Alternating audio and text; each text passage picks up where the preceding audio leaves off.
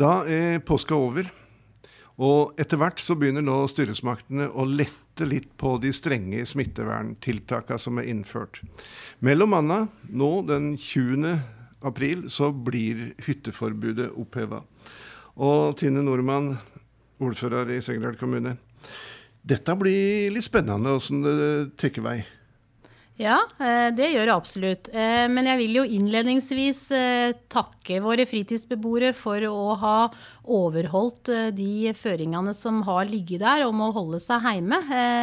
Det har jo vært et savn for oss å ikke ha våre fritidsbeboere her nå i ukene før påske og i påska. Det har vært stille, lite liv og røre. Men helt nødvendig at forbudet ble, var der, og at folk overholdt det. Og det må jeg berømme våre fritidsbeboere for at de har gjort. Altså. Absolutt. De har eh, tatt oppfordringen, vært hjemme og hørt på de nasjonale myndigheter hva som har blitt sagt. Eh, så jeg vil jo rette en stor takk til fritidsbeboerne for å ha eh, hørt på det som har, har blitt sagt. Mm. Men så, om noen dager, så åpner portene igjen. Mm. Åssen eh, ser du på den situasjonen? Venter du nå at det nå kommer liksom alle sammen, alle 5000 eierne, og skal inn på hytta? Nei, jeg tror ikke det vil skje. Eh, helt klart noen som ønsker opp å ha noen dager på hytta igjen, eh, fordi at det har vært lenge siden sist. Men så tror jeg at folk nå har fått dette inn under huden. At eh, ja, forbudet er oppheva, men fritidsreiser skal fortsatt være Altså det skal utføres i minst mulig grad. Det skal være reduserte fritidsreiser. Og jeg tenker at våre fritidsbeboere, det, det skjønner de. At ja, ta en tur på hytta, men, men men eh, reis hjem igjen, og så, og så begrenses det eh, i størst mulig grad. Ja, for men, du har fått noen telefoner på morgenen i dag med spørsmål om det var lov å reise på hytta? Ja. Og jeg tror folk er veldig redde for å gjøre noe gærent. Eh, Sjøl om det nå står 20. april, så, så, vil gjerne våre fritidsbeboere ha en bekreftelse på at de faktisk kan gjøre det. Og om kommunen da sier ja, ja til å ønske velkommen tilbake Og det gjør vi jo. Men, men, igjen, vi følger jo nasjonale føringer, og det er jo ganske tydelig at fritidsreiser skal begrenses. Eh, og da tenker jeg at eh, fritidsbeboerne bruker fornuft eh, og, og, tar den turen til hytta, men, men i et begrensa omfang. Så jeg tror dette skal gå veldig bra. Og så er det vel viktig det at uh, hvis de er i tvil om de er friske eller ikke, at de da rådfører seg med sine leger og kanskje er hjemme? Ja, det er jo en, en sterk oppfordring. Er du syk eller liksom er i tvil om du kan reise, så, så holder du deg hjemme og kontakter din fastlege og, og, og ditt helsepersonell i bostedskommunen. Eh, det er jo også en veldig klar nasjonal føring at du skal være ved din bostedsadresse hvis du ikke er i form, og det gjelder jo også her. Eh, så, så den mener jeg er ganske opplagt. Mm. Åssen er føret på fjellet? Er det snø? Blir det oppkjørte løyper? Veit du noe om det? Eh, altså, det er jo fortsatt mye snø i fjellet, men det er klart at nå går vi inn i en periode med mye høyere dagtemperatur, så snøen vil jo eh, forsvinne etter hvert. Men det er jo mulighet for å gå på ski selvfølgelig nå, i hvert fall første par helgene. Eh, men det er jo sånn som føret er på slutten av sesongen, at det er eh, hardt og bløtt om hverandre. Mm. Eh, men jeg tenker kanskje først, først og fremst folk ønsker å ta en tur for å se til hytta og, og, sitte litt i solveggen og oppleve fjellet igjen. Mm. Eh, det, det, tror jeg kanskje er eh, det som er ønsket til fritidsbeboerne. Mm. Hvis vi da ser på situasjonen litt framover nå, nå, kan vi vel si at Sigrid har kommet veldig godt ned på beina eh, så langt i denne pandemien. Eh, og ditt syn på det? Ja, jeg syns eh, vi har eh, klart oss bra. Eh, og det skyldes jo flere ting. For det første så eh, har vi jo hatt en beredskap som har gjort at vi har fått satt eh, ting i system. Fått, fått det til å fungere i hverdagslaget for, for våre innbyggere. Det, ja, For de var forberedt tidlig? Ja, det vil jeg si vi var. Vi har jobba med beredskap egentlig i stor grad over flere år. Og det har jo vært politisk enighet om at beredskap er viktig. Vi har, hadde jo da allerede satt av en 20 %-stilling til beredskapsjobbing her i kommunen. Eh, så vi var jo på mange måter eh, så forberedt som man kan være i en sånn situasjon. Mm. Og så har våre innbyggere tatt, tatt, dette på alvor. Det er jo også en grunn for at vi ikke har smitte. At innbyggerne våre er flinke til å overholde smittevernreglene og holde seg i bygda. Ja, for per dags dato, 17.4, så er det ingen smitta i Sigdal? Nei, vi har ingen smitta i Sigdal. Og vi har heller ikke hatt noen av våre innbyggere som er bekrefta smitta. Mm. Eh, da blir det viktig eh, i den situasjonen som vi nå går inn i, å fortsatt holde på de strenge mm, tiltakene. Hva sier du om det, Henrik Mørk?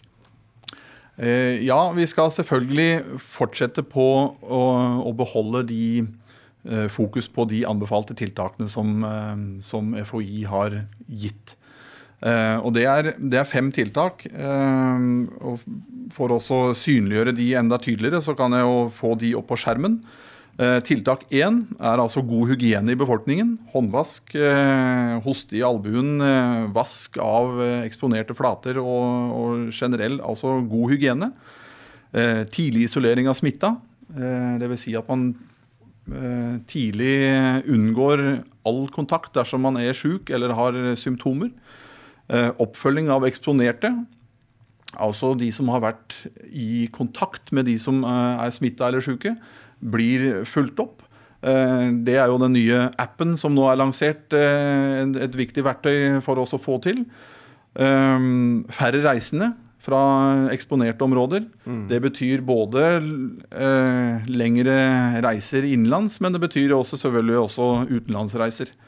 Eh, og så redusert kontakthyppighet i befolkningen. Mm. Det er de fem tiltakene som, som uh, man mener er effektive, og som, som, skal sørge for at uh, vi holder viruset i sjakk. Og disse må vi fortsatt holde fast ved? De må vi fortsatt holde fast ved. Og spesielt fordi at strategien til regjeringen er å holde viruset nede. og beholde det smittetallet under én. Mm. Konsekvensen av det er at eh, epidemien kommer til å vare lenger eh, enn det året som, eh, som først var, var prognosen. Ja, tror du at signalingene kommer til å måtte merke dette her også i 2022? Eh, man antar jo at hvis man ønsker å holde, holde dette nede, så vil eh, det på en eller annen måte være eh, tiltak som berører folks hverdag, fram til man har en vaksinasjon. Mm. Eh, for det er altså først vaksine og, og, mulighet til behandling som vil føre til at man altså virkelig får kontroll på viruset. Mm. Du nevnte at nå åpner barnehagene den 27. Samtidig så starter de yngste ungene på skolen. Eh, hvordan ser du på den situasjonen eh, da?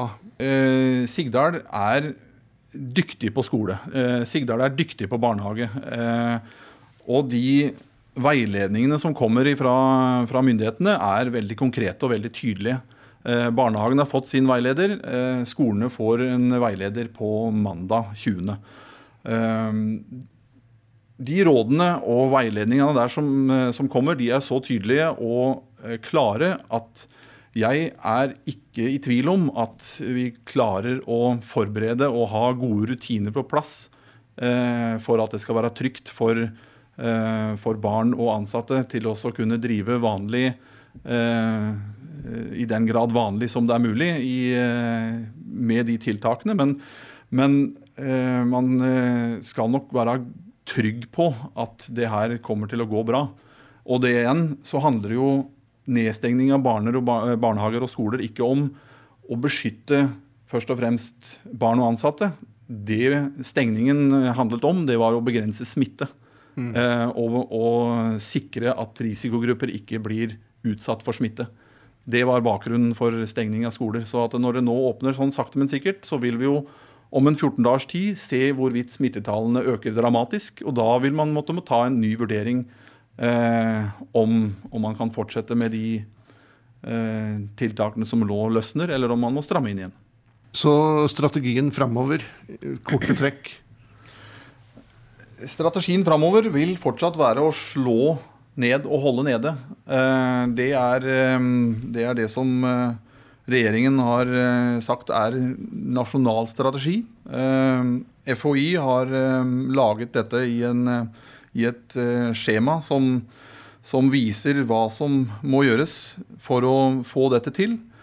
Målet ved å slå ned og holde nede, det er å stoppe epidemien og holde den under kontroll. Altså holde den i fase 1 og 2. Og Sigdal er som kjent i fase 1, dvs. Si at vi er godt innafor eh, det målet.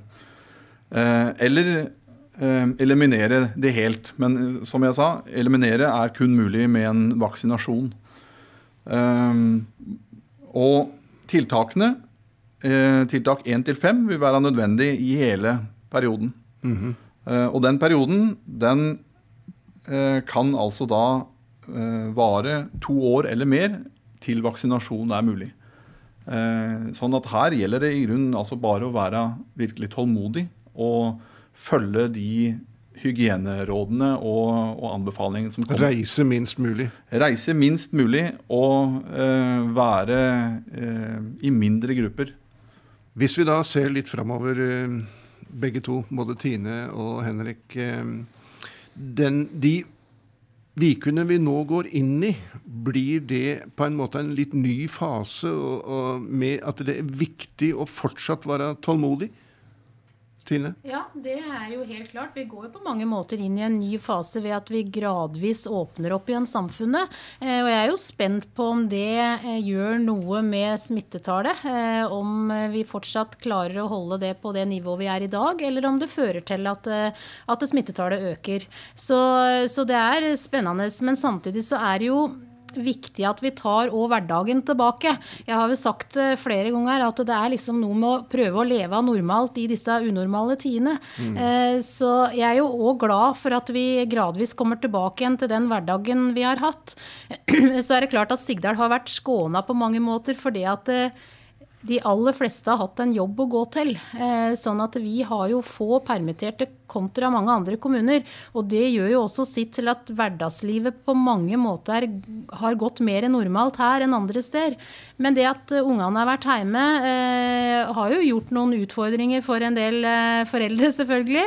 Så, så, jeg tenker jo at det er fint at vi løsner opp på en forsiktig måte. Og så krysser vi fingra for at det skal gå bra uten at vi trenger å stramme til igjen, da.